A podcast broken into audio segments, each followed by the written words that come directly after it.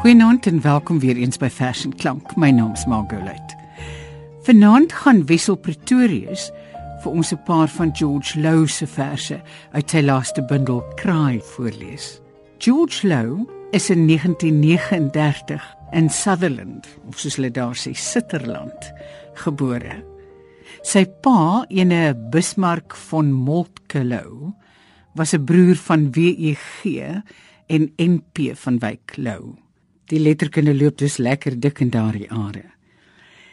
Lou se eerste bundel, dit is nou natuurlik George Lou.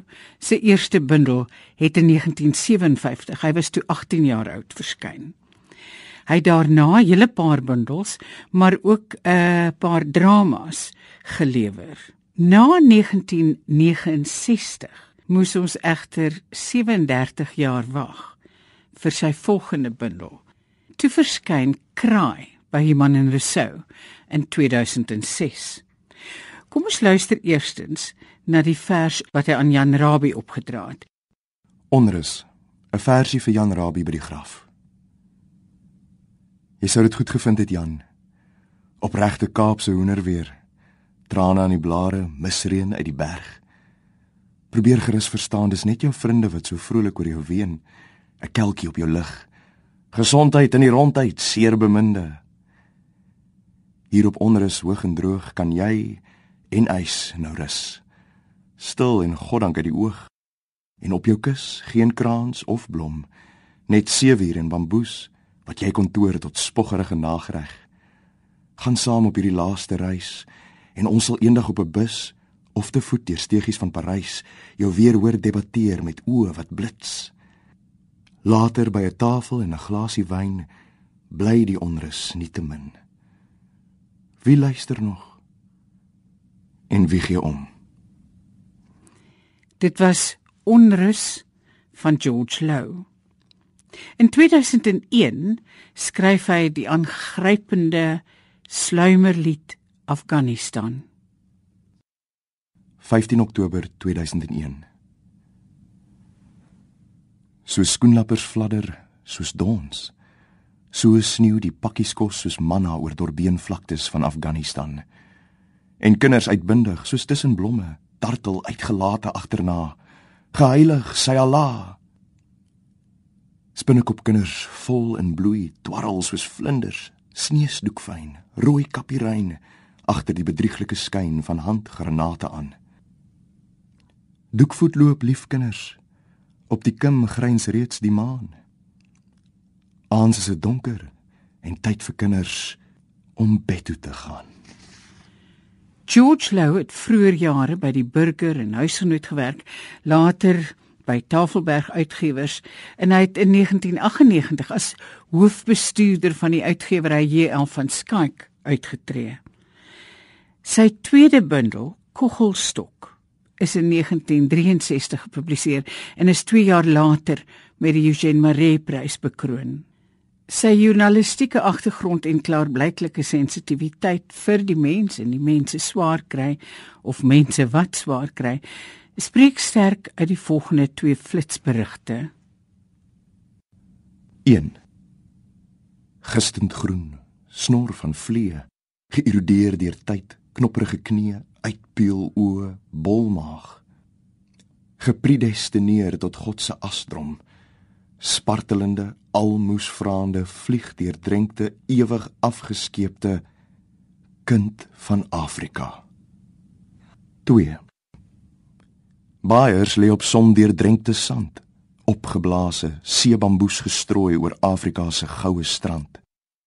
Tsunami is kieskeurig, teiken spesifiek Seismografies is daar baie opsies. Sosiologies lê dit voor die hand.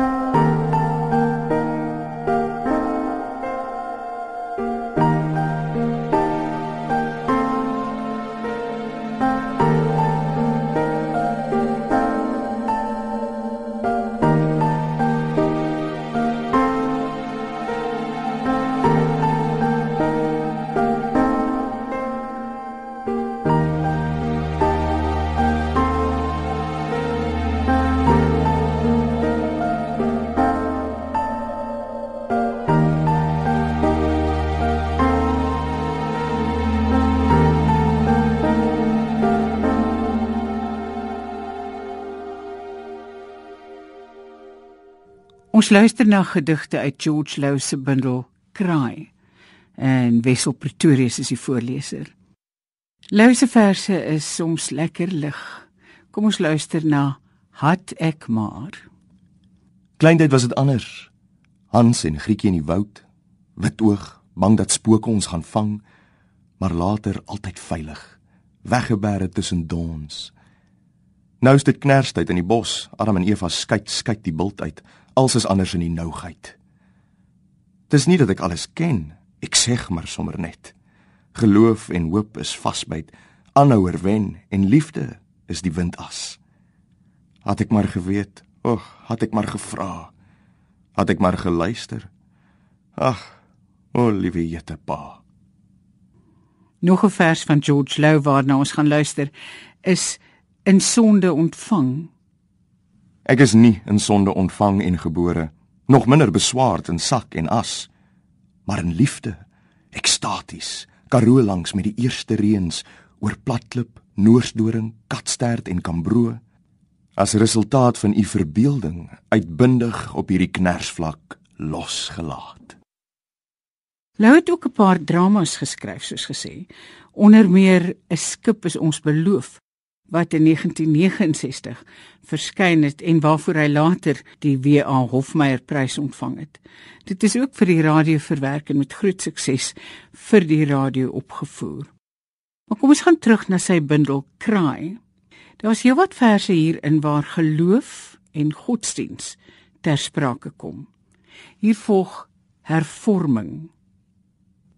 Ons soek nie 'n nuwe godsdiens, Vader, sy tog nee. Nie nog 'n dogma om mee koers te hou, nie nog 'n katekismus, nog 'n rosekrans. Ons soek U, God, opnuut, soos 'n blom wat oopgaan in die somer, sodat ons oë nuut kan kyk vir die eerste keer sonder teenspraak of dispuut. Die volgende vers kyk met groot sinisme en 'n titsel humor na die vroom huigelaars in sommige van ons kerke of miskien in al ons kerke. Wurms van die veld. Kyk na die wurms van die veld, kyk goed. Spinnel, wefel, hou hul vroom gemeenskap met die goeie? Nee. Hul soek skuiwergate, geld soos bossies, soet die simfonie van kassergisters. Van tyd tot tyd kom hulle uit hul gate, skuil in kerke gevul met orgelklanke. Word verdag en heel reg. Want wie sou wurms van die veld nou daar verwag?